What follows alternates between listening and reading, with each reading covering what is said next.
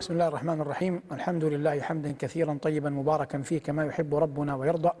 وأشهد أن لا إله إلا الله وحده لا شريك له شعار ودثار ولواء أهل التقوى. وأشهد أن سيدنا ونبينا محمدا عبده ورسوله بلغ عن الله رسالاته ونصح له في برياته فجزاه الله بأفضل ما جزى به نبيا عن أمته. صلى الله وملائكته الصالحون من خلقه عليه كما وحد الله وعرف به ودعا إليه. وبعد أيها المباركون هذه إطلالة ولقاء متجدد من برنامجكم روح المعاني. وقد كنا وعدنا في اللقاء الماضي أننا سنتحدث عن الخمسة الذين يشبهون النبي صلى الله عليه وسلم. إذ لما تحدثنا في حجة الوداع عن أن النبي عليه الصلاة والسلام أردف الفضل خلفه قلنا إن الفضل أحد خمسة يشبهون النبي صلى الله عليه وسلم خلقيا. والخمسة هم جعفر بن أبي طالب والفضل بن عباس وقثم أخوه. وأبو سفيان بن الحارث والحسن بن علي بن أبي طالب وكلهم من قرابته. والحديث حول هؤلاء الخمسة المباركين من أوجه عدة. بديهي جدا أن يكون الذين يشبهون النبي صلى الله عليه وسلم من قرابته لأن جرت العادة أن الناس إنما يتشابهون في الخلقة كلما كانت قرابتهم بعضهم من بعض. والنبي عليه الصلاة والسلام هاشمي قرشي هاشمي قرشي. وهؤلاء الخمسة جعفر والحسن وقثم والفضل وأبو سفيان بن الحارث. كلهم هاشميون قرشيون. كلهم يجتمعون مع النبي صلى الله عليه وسلم كحد أعلى في جده عبد المطلب. في جده عبد المطلب. والنبي عليه الصلاة والسلام هو محمد ابن عبد الله وأبوه عبد الله لم يعمر. مات والنبي عليه الصلاة والسلام حمل في بطن أمه على الصحيح. ثم إنه عليه السلام كان له عشرة أعمام وقد مر معنا الحديث عن أعمام النبي صلى الله عليه وسلم. هؤلاء العشرة منهم أبو طالب وابنه جعفر ومنه العباس ومنهم العباس وابناه قثم والفضل ومنهم الحارث وابنه أبو سفيان. بقي واحد وهو الحسن هذا من من رسول الله صلى الله عليه وسلم هو ابن ابنته فاطمة. وبه نبدأ حديثنا المبارك هذا. الحسن بن علي أبوه علي بن أبي طالب وأمه فاطمة بنت محمد وهو أكبر سبطي رسول الله صلى الله عليه وسلم. حملت به أمه فاطمة فلما ولدته جاء عليه الصلاة والسلام يقول أين ابني؟ أين ابني؟ فجاءوا به للحسن لتوه قد ولد. قال لعلي وفاطمة ما أسميتموه؟ قالوا حرب. قال بل هو الحسن. إذا فالذي سمى الحسن هو رسولنا صلى الله عليه وسلم وكفى له بذلك شرفا.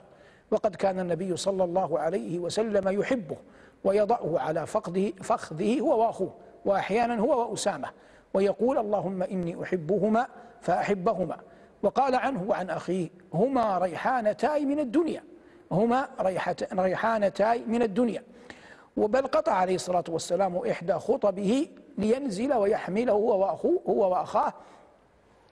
في قول عليه الصلاة والسلام إنما أموالكم وأولادكم فتنة.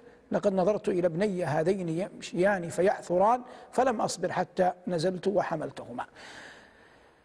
عاش الحسن بعد النبي صلى الله عليه وسلم وكان مع أبيه في حربه مع أهل العراق. ولما قتل أبوه علي بن أبي طالب رضي الله تعالى عنه واستشهد آل الأمر إليه بعده. آل الأمر إليه بعده في أهل العراق خاصة. ثم تنازل عن الملك حفاظا على دماء المسلمين ليتم بينه بذلك السؤدد الذي أخبر عنه النبي صلى الله عليه وسلم. فإن النبي عليه السلام قال عنه إن ابني هذا سيد وإن الله سيصلح به بين فئتين عظيمتين من المسلمين. حقن الدماء المسلمة من أعظم القربات إلى الله جل وعلا. وهذا الحسن المبارك سبط رسول الله صلى الله عليه وسلم لما كان معه جيش العراق وهم أمة كثيرة في العدد قابل جيش الشام خلف معاوية وهم أمة كثيرة في العدد فعلم يقينا أنه إن غلب معاوية أو غلبه معاوية حربا وسيفا وقتلا فإن هذا لن يتم إلا بعد إراقة دماء كثيرة فأيهما غلب لن يفرح بشيء وكيف يفرح؟ وقد أزهقت أرواح مؤمنة مسلمة. كل منها على الغالب يظن أنه على الحق. وكل منهما ينشد أمرا لا يقبل القسمة على اثنين. فكان منه رضي الله عنه وأرضاه أن حفظ الدماء. وهذا من أعلى مقامات الصلح. ولهذا سماه النبي صلى الله عليه وسلم سيدا. لأن السؤدد إنما يفعله من ينتصر على أهواء نفسه. فيكون عظيما في الناس. وكلما عظم نفع الإنسان لغيره كان أكثر سؤددا. كلما عظم نفع الإنسان لمن سواه كان أعظم سؤددا. ولذلك لما كان لسعد بن معاذ رضي الله عنه وأرضاه أثرا عظيما في الأوس وفي الخزرج قال عليه الصلاة والسلام للأنصار يوم الخندق قوموا لسيدكم. فسماه سيدا لعظيم نفعه وأثره وأنه مسموع مطاع رضي الله عنه وأرضاه. فكذلك الحسن رضي الله عنه وأرضاه ليس سهلا أن يكون الإنسان قويا في قراره شجاعا فيما يراه. فزهد في الملك وزهد في الحكم لأنه رأى أنه لا سبيل إليه إلا بعد أن تهرق دماء عظيمة من دماء المسلمين. ولهذا قال عليه الصلاة والسلام في مدحه رضي الله عنه وعن أبيه وعن أمه قال إن ابني هذا سيد.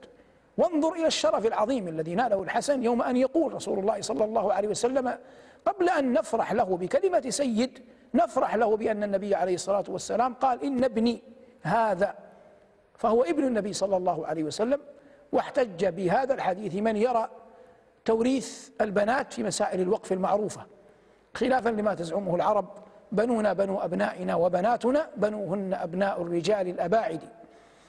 والمقصود من من هذا بيان فضل الحسن بن علي رضي الله تعالى عنه وأرضاه وقد مات في المدينة.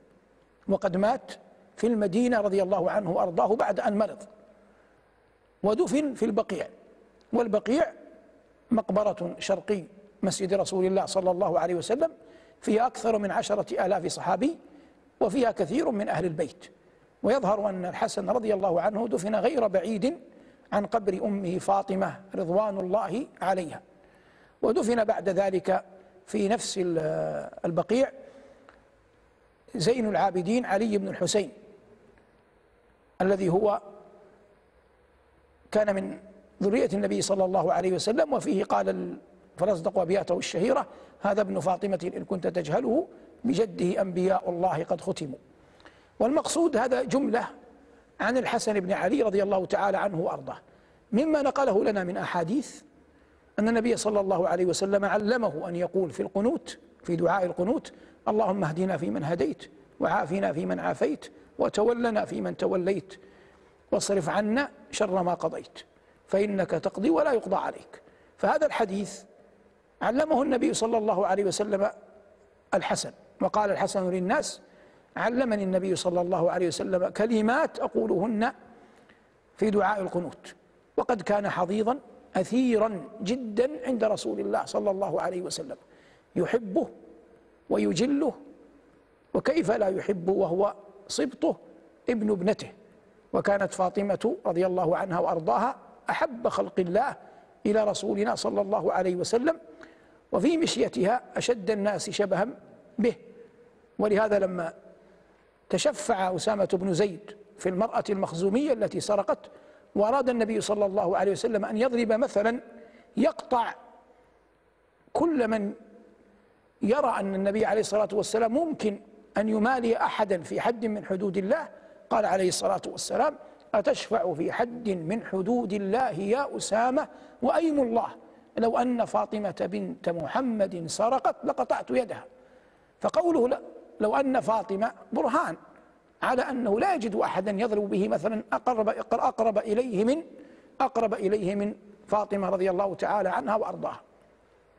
هذا هو الحسن بن علي من حيث الإجمال سبط رسول الله صلى الله عليه وسلم سبط إيمان وبر ينسب إلى خير الثقلين صلوات الله وسلامه عليه. الشخصية الثانية من الخمسة المباركين الذين يشبهون النبي صلى الله عليه وسلم الفضل بن عباس. والفضل بن عباس ابن عم رسول الله صلى الله عليه وسلم. فالعباس بن عبد المطلب عم رسول الله وأسن منه وكان له جملة من الولد. منهم اثنان يشبه يشبهان النبي صلى الله عليه وسلم أولاهما الفضل. الفضل كان وسيما قسيما وبه يكنى أبوه. فالعباس بن عبد المطلب ينادى يا أبا الفضل. وقد أردفه النبي عليه الصلاة والسلام في حجة الوداع من مزدلفة إلى منى. ولما مر عليه الصلاة والسلام وهو مردف الفضل خلفه جاءته امرأة تسأله كانت جميلة ومر ركب من نساء فكان الفضل ينظر إليها وتنظر إليه. فلوى صلى الله عليه وسلم عنق الفضل. وهنا تأتي قضية كيف كان عليه الصلاة والسلام يتعاهد من حوله. فعدم إقرار المنكر جعل النبي عليه السلام يجعل الفضل يلوي عنقه حتى لا يرى ببصره هذه المرأة فيفتن بها وتفتن به. وفي الوقت نفسه علم عليه الصلاة والسلام أن هذا شاب وأنها شابة. فلم يقع منه كبير تعنيف للفضل رضي الله عنه وأرضاه. وربما لو كان هذا مع حال بعض مع بعضنا أو فلنقل مع بعض أهل زماننا لعنفه تعنيفا عظيما ولأخرجه من الدابة ولقال فيه ما لا يقبل. لكن الحكمة النبوية جعلته صلى الله عليه وسلم يهتدى به في هذا الصنيع فيفقه الناس من يأمرون بالمعروف وينهون عن المنكر الطرائق المثلى في الأمر بالمعروف والنهي عن المنكر. ومع أن الفضل كان محرما وقتها وكان رضي الله عنه على بعض الروايات غير محرم المقصود أنه كان رديف النبي صلى الله عليه وسلم. كان رديف النبي صلى الله عليه وسلم. وليس المقصود يقينا أن تهون المعاصي على الناس. لكن إذا وقع أحد منا في المعصية وكلنا ذو خطأ فإن محاولة نفعه إنما تكون بالتأودة والروية وإجمال حسن الظن بالمؤمنين. وأن لا نفرح أن يعصى الله كما لا ينبغي علينا أن لا نشمت بمؤمن. وأن ندلهم بالحكمة والموعظة الحسنة إلى ما ينفعهم. لكن من عرف منه الفساد العظيم وقاد لواءه وتاجر به فهذا الذي يقال أحيانا لا كرامة له. قال لقد علمت ما أنزل هؤلاء إلا رب الأرض والسماوات بصائر وإني لأظنك يا فرعون مثبورا. لكن متى قالها موسى؟ بعد أن حلب الدهر أسطريه مع فرعون ولم يرى منه قربا من الله جل وعلا بل لم يرى منه إلا المعاندة والاستكبار. فهذه جملة ما يمكن أن أحدث به عن الفضل بن عباس رضي الله تعالى عنه وأرضاه. شارك الفضل في غسل رسول الله صلى الله عليه وسلم لأن سنه كان يسمح بهذا. في حين أن الحسن كان صغيرا في الثامنة أو في التاسعة من عمره تقريبا عندما مات رسول الله صلى الله عليه وسلم فلم يكن له حظ من غسل رسول الله صلوات الله وسلامه عليه. الثالث من الخمسة المباركين الذين يشبهون النبي صلى الله عليه وسلم قثم أخو الفضل. قثم أخو الفضل. وقثم هذا رضي الله عنه من مناقبه شارك في غسل النبي صلى الله عليه وسلم. باعتباره أحد آل البيت المقربين وباعتبار أن سنه آنذاك كانت تسمح كما بينا أن سن الحسن لا تسمح. فكان هو وأبوه وأخوه يقلبون الجسد الشريف. وهذه والله منقبة وأي منقبة؟ دون أن تكشف لرسول الله صلى الله عليه وسلم عورة. ونزل في قبره. والمشهور المحفوظ أنه آخر الناس عهدا برسول الله صلى الله عليه وسلم. أي أنه آخر من خرج من القبر. آخر من خرج من قبر رسول الله صلى الله عليه وسلم. قثم ابن العباس ابن عبد المطلب ابن عم رسول الله صلوات الله وسلامه عليه. الرابع من هؤلاء المباركين من هؤلاء المباركين أبو سفيان ابن الحارث. وأبو سفيان بن الحارث أخو النبي صلى الله عليه وسلم من الرضاعة. كما أن عليه عليه السلام من إخوانه من الرضاعة عمه وحمزة أما هذا ابن عمه. والحارث أخ لعبد الله والد النبي عليه الصلاة والسلام. وأبو سفيان هذا لم يكن في أول أمره مقبلا على الدين بل كان شاعرا وقال شعرا قبيحا يهجو به رسول الله صلى الله عليه وسلم. فكان حسان رضي الله عنه يدافع وينافح عن رسول الله صلى الله عليه وسلم. وقول حسان في همزيته أتهجوه ولست له بكفء فشركما لخيركما الفداء. إنما أراد به أبا سفيان بن الحارث. إنما أراد به أبا سفيان ابن الحارث ابن عم رسول الله صلى الله عليه وسلم. أتهجوه ولست له بكفء فشركما لخيركما الفداء. وقد قيل إن قوله فإن أشركما لخيركما الفداء أعدل بيت قالته أعدل بيت قالته العرب أي لحسان. فهذا أبو سفيان ثم أسلم بعد ذلك ويروى أنه لما قدم ليسلم خشي أن النبي صلى الله عليه وسلم لا يقبل منه فيروى أنه استشار عليا أو إحدى أمهات المؤمنين فأشار عليه من استشاره أن يأتي النبي صلى الله عليه وسلم ويقول تالله لقد آثرك الله علينا. فإن النبي عليه السلام لا يحب أن يكون أحد أفضل منه. وإخوة يوسف قالوا ليوسف تالله لقد آثرك الله علينا. فلما قالوا له تالله لقد آثرك الله علينا قال عليه السلام لا تثريب عليكم اليوم يغفر الله لكم وهو أرحم الراحمين. وكذلك أبو سفيان لما قدم بين يدي النبي صلى الله عليه وسلم قال تالله لقد آثرك الله علينا فقال عليه الصلاة والسلام على ما يروى عند أهل السير لا تثريب عليك وقبله وعفى عنه فكان حريا به أن يعمد إلى عظيم المواقف يكفر بها عن أيامه السالفة والشيء يبدل بأحسن منه وهذا من معاني قول الله جل وعلا فأولئك يبدل الله سيئاتهم حسنات فكان رضي الله عنه شهد حنينا مع النبي صلى الله عليه وسلم وقد وقع في حنين أن المؤمنين المسلمين أعجبتهم كثرتهم وفر بعضهم. ثبت النبي صلى الله عليه وسلم يقول أنا النبي لا كذب أنا ابن عبد المطلب. فكان ممن ثبت معه آخذ بزمام الناقة هذا المبارك أبو سفيان ابن الحارث. آخذ بزمام ناقة النبي صلى الله عليه وسلم وثبت معه يوم حنين. فهذا من أجل مناقبه رضوان الله تعالى عليه. فعوض تلك الأيام الخوالي التي كان منه فيها الكفر عوضه بأن كان مع النبي صلى الله عليه وسلم يوم حنين. والله جل وعلا أخبر عن يوم حنين وما فيه من عظات بالغة في كتابه العظيم.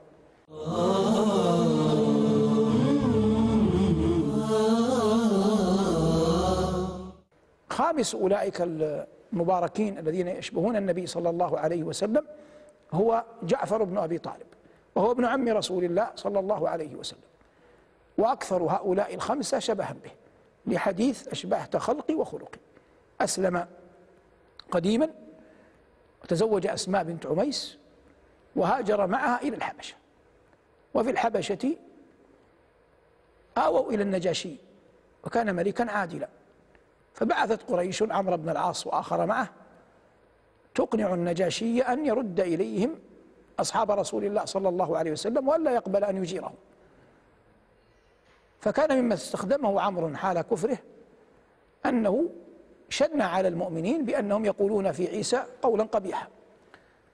فانتخب الصحابة المهاجرون آنذاك جعفرا ليتحدث عنهم فقرأ على النجاشي فواتح صورة مريم وأخبره بما جاء به النبي صلى الله عليه وسلم من توحيد الله وحفظ الذمار وصلة الأرحام بطريقة يغلب عليها الحكمة ومعرفة كيف يخاطب ومعرفة كيف يخاطب الملوك مع عدم مداهنة في الدين.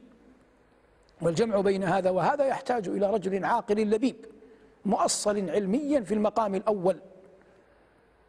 فلما فرغ من كلامه أعجب النجاشي النجاشي بقوله وأقرهم على البقاء في بلادهم. فبقي جعفر رضي الله تعالى عنه ومعه ركب من المهاجرين في الحبشة. حتى كانت السنة السابعة علموا أن الأمر استقر لرسول الله صلى الله عليه وسلم فعادوا من الحبشة إلى المدينة. فالتقى جعفر بالنبي عليه الصلاة والسلام بعد خيبر. فلما رأى عليه الصلاة والسلام قبل ما بين عينيه. وقال أشبهت وقال لا أدري بأيهما أسر بقدوم جعفر أم بفتح خيبر. لا أدري بأيهما أسر بقدوم جعفر أم بفتح خيبر وهذا يدل على مكانة جعفر عند رسول الله صلى الله عليه وسلم. بعد ذلك بعثه النبي قائدا مع زيد بن حارثة وعبد الله بن رواحة إلى مؤتة فاستشهد هناك وأظهر بلاء حسنا. قبل في في عمرة القضاء تبعتهم ابنة لحمزة تبعت الركب النبوي فاختصم فيها علي وأسامة وجعفر. فقال النبي عليه الصلاة والسلام لجعفر يومها أشبهت خلقي وخلقي أشبهت خلقي وخلقي. قتل شهيدا في مؤتة أخبر جبريل النبي عليه الصلاة والسلام بنبأ مقتله ومن معه من الركب زيد وعبد الله فصعد صلى الله عليه وسلم المنبر ونعاهم إلى الناس وعيناه تذريفان. ثم أمهل آل جعفر ثلاثة. قال قبلها للناس اصنعوا لآل جعفر طعاما فقد أتاهم ما يشغلهم. ثم مات صلى الله عليه وسلم بعد ثلاث إلى بيت جعفر. وقال أين أبنائي؟ أين أبناء أخي؟ فجاءه بعبد الله ومحمد أبناء جعفر وغيرهما. فأمر الحلاق أن يحلق رؤوسهم. وهذا من باب الفعل الحسن وتغير الحال والإقبال على شيء آخر. وكأن الحزن يتساقط مع الشعر ويبدأون حياة جديدة. هذا إجراء عملي يراد به الانتقال من حر المصيبة إلى أن لأن يعلم أن الحي أولى من الميت لأنه ما زال يجاهد ويكابد في الحياة. ثم إنه عليه الصلاة والسلام شكت إليه أسماء بنت عميس يتمى أبنائها وفقرهم فقال العيل تخافين عليهم أي الفقر؟ وأنا وليهم في الدنيا والآخرة وكان يحبهم. ويقول ما أشد أن تسرع العين إليهم. ويأمر صلى الله عليه وسلم بأن يرقوا فهذا مما كان عليه الصلاة والسلام يحفظه من الود والجميل وصنائع المعروف لابن عمه جعفر بن أبي طالب في أبنائه بعد بعد وفاته رضوان الله تعالى عليه وأرضاه. وقد قال عبد الله بن جعفر إن النبي صلى الله عليه وسلم أردفني وأسر إلي حديثا لا أحدث به أحدا من الناس. ويظهر أن هذا شيئا خصه به صلوات الله وسلامه عليه وليس من العلم الذي يمكن نقله إلى الناس وإلا لأثم وهو بعيد عن هذا رضي الله عنه. المراد أيها المباركون هؤلاء هم الخمسة. أشد الناس شبها بخل بهيئة رسول الله صلى الله عليه وسلم. وبينا أنهم جميعا أنهم جميعا من قرابته. فثلاثة بل أربعة. أبناء عم الله وواحد هو سبطه الحسن بن علي رضي الله تعالى عنه وأرضاه. هؤلاء الخمسة كلهم قطعا صحابة يتفاوتون في السن الحسن أصغرهم. أما جعفر يوم مات فكان سنه في الثانية والأربعين. وإذا ذكر العدد خمسة يذكر وهذا استطراد أصحاب الكساء. وأصحاب الكساء هم فاطمة وعلي والحسن والحسين. وخامسهم رسول الله صلى الله عليه وسلم. وهؤلاء إذا قيل آل البيت لا ينصرف إلى شيء قبلهم ويجمع غيرهم لكنه لا ينصرف إلى شيء غيرهم. إذ غشاهم النبي صلى الله عليه وسلم بكساء وقال اللهم هؤلاء هالي فصل على محمد وآله. وهؤلاء الخمسة الأربعة معه صلى الله عليه وسلم. ورد أنه لما أتى نصارى نجران إلى المدينة وأخذوا يصلون إلى المشرق ثم أخذوا يجادلون النبي صلى الله عليه وسلم في المسيح عيسى بن مريم. قال الله تبارك وتعالى لنبيه فمن حاجك فيه من بعد ما جاءك من العلم؟ فقل تعالوا فقل تعالوا ندعو أبناءنا وأبناءكم ونساءنا ونساءكم وأنفسنا وأنفسكم ثم نبتهل فنجعل لعنة الله على الكاذبين. ورد أن النبي صلى الله عليه وسلم دعا عليا وفاطمة والحسن والحسين وقال إذا أنا دعوت فأمنوا. فلما رأى نصارى نجران هذه الوجوه المباركة الطيبة الأربعة وجه علي وفاطمة والحسن والحسين قال بعضهم لبعض إنها إن هذه الوجوه لو سألت الله أن يزيل الجبال من أماكنها لا زالها وأبوا أن يباهلوا النبي صلى الله عليه وسلم وصالحوا فهذا ما يتعلق بالعدد خمسة في حياة وسيرة نبينا صلى الله عليه وسلم إضافة إلى الخمسة الذين ذكرناهم في قضية الشبه بالنبي صلى الله عليه وسلم. والأعداد إنجاز لنا أن صدرنا في الحديث عرفت في التاريخ الإسلامي في السيرة خمسة يشبهون النبي خمسة هم أهل الكساء ثلاثة تشتاق لهم الجنة وقد حررنا لهم لقاء خاصا هم علي وعمار وسلمان. إن الجنة لتشتاق إلى ثلاثة وجاء العشر المبشرون رضوان الله تعالى عليهم ونعرف الأربعة الراشدون. لكن يبقى لأبي بكر فضيلة خاصة لا يشاركها لا يشاركه فيها أحد وهي قضية الهجرة. فالله جل وعلا قال ثاني اثنين فعلي تشاركه فاطمة والحسن والحسين في كونهم من أصحاب الكساء.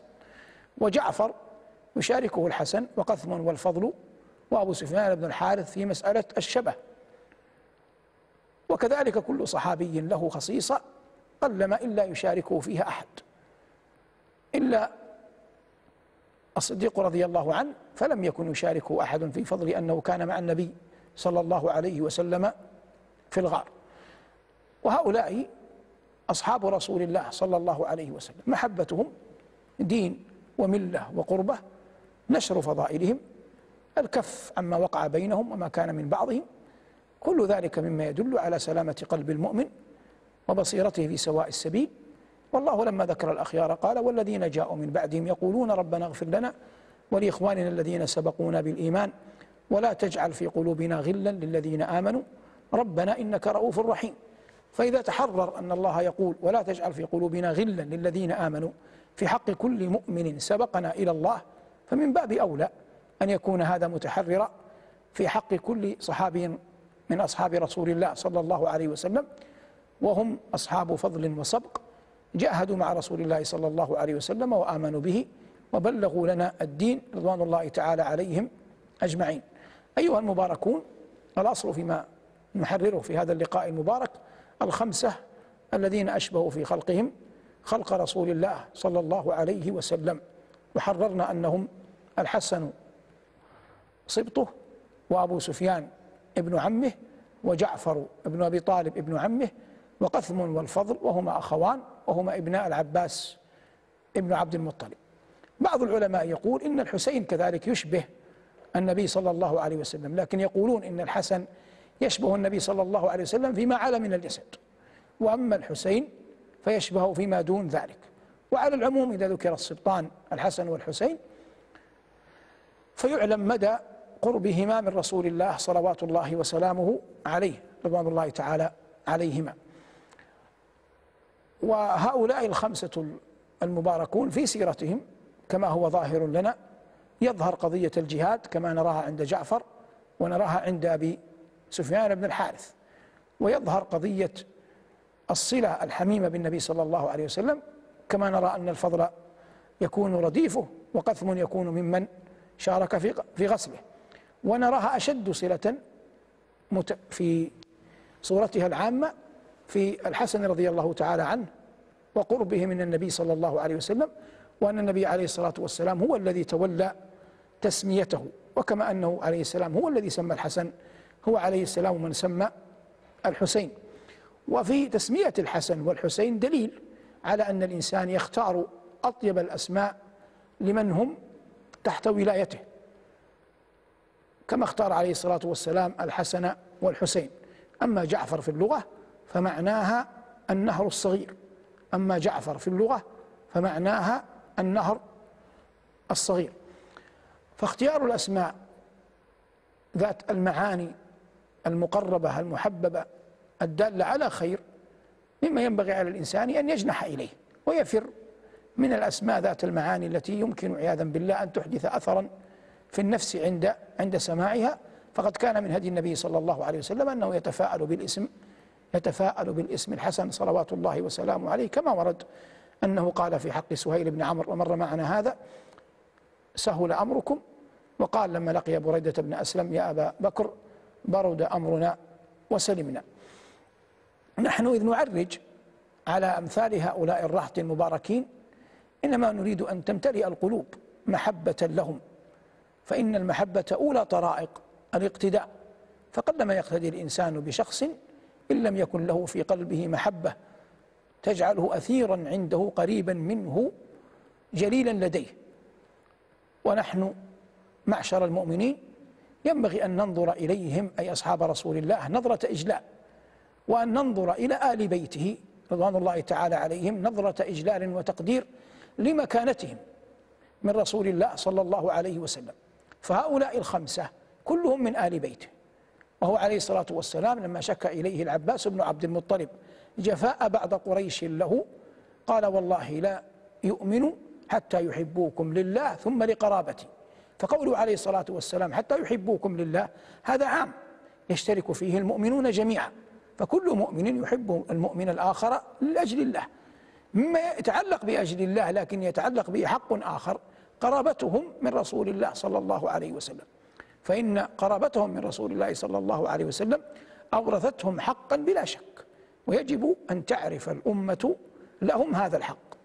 والحمد لله إن كثيرا من الأمة يعرف لآل بيت رسول الله صلى الله عليه وسلم حقهم. وقد أحسن الكميت عندما قال وإن كان الشعراء أحيانا في ألفاظهم ليست ألفاظا شرعية لكن يؤخذ منهم المعنى لا اللفظ قال عنهم من معشر حبهم الفرزدق قال من معشر حبهم دين وبغضهم كفر وقربهم منجا ومعتصم. من معشر حبهم دين وبغضهم كفر وقربهم منجا ومعتصم. والنبي صلى الله والله جل وعلا يقول قل لا أسألكم عليه أجرا إلا المودة في القربى قل لا أسألكم عليه أجرا إلا المودة في القربى وإن كان هناك اختلاف بين علماء التفسير في معنى الآية. لكن يؤيده قول النبي عليه الصلاة والسلام للعباس والله لا يؤمن أحدهم حتى يحبوكم لله ولقرابتي. وقد ورد أن أحمد الإمام أحمد رحمه الله وقد ورد أن الإمام أحمد رحمه الله لما كان يشتكي من أثر جلد الجلاد له يقول رحم الله المعتصم ماله ومالي.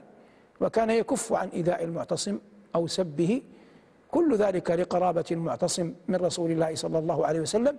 يقول أي الإمام أحمد رحمه الله لا أريد أن يكون خصمي يوم القيامة ابن عم رسول الله صلى الله عليه وسلم. هذه أيها المباركون كلمات نيرات بعض الشيء حول خمسة مباركين هم من أشد الناس شبها بخلق رسولنا صلى الله عليه وسلم. طاب حيا وميتا صلوات الله وسلامه عليه. استطردنا فيها هنا وهناك مما جرت به عادتنا في سنن ونسق هذا البرنامج المبارك روح المعاني.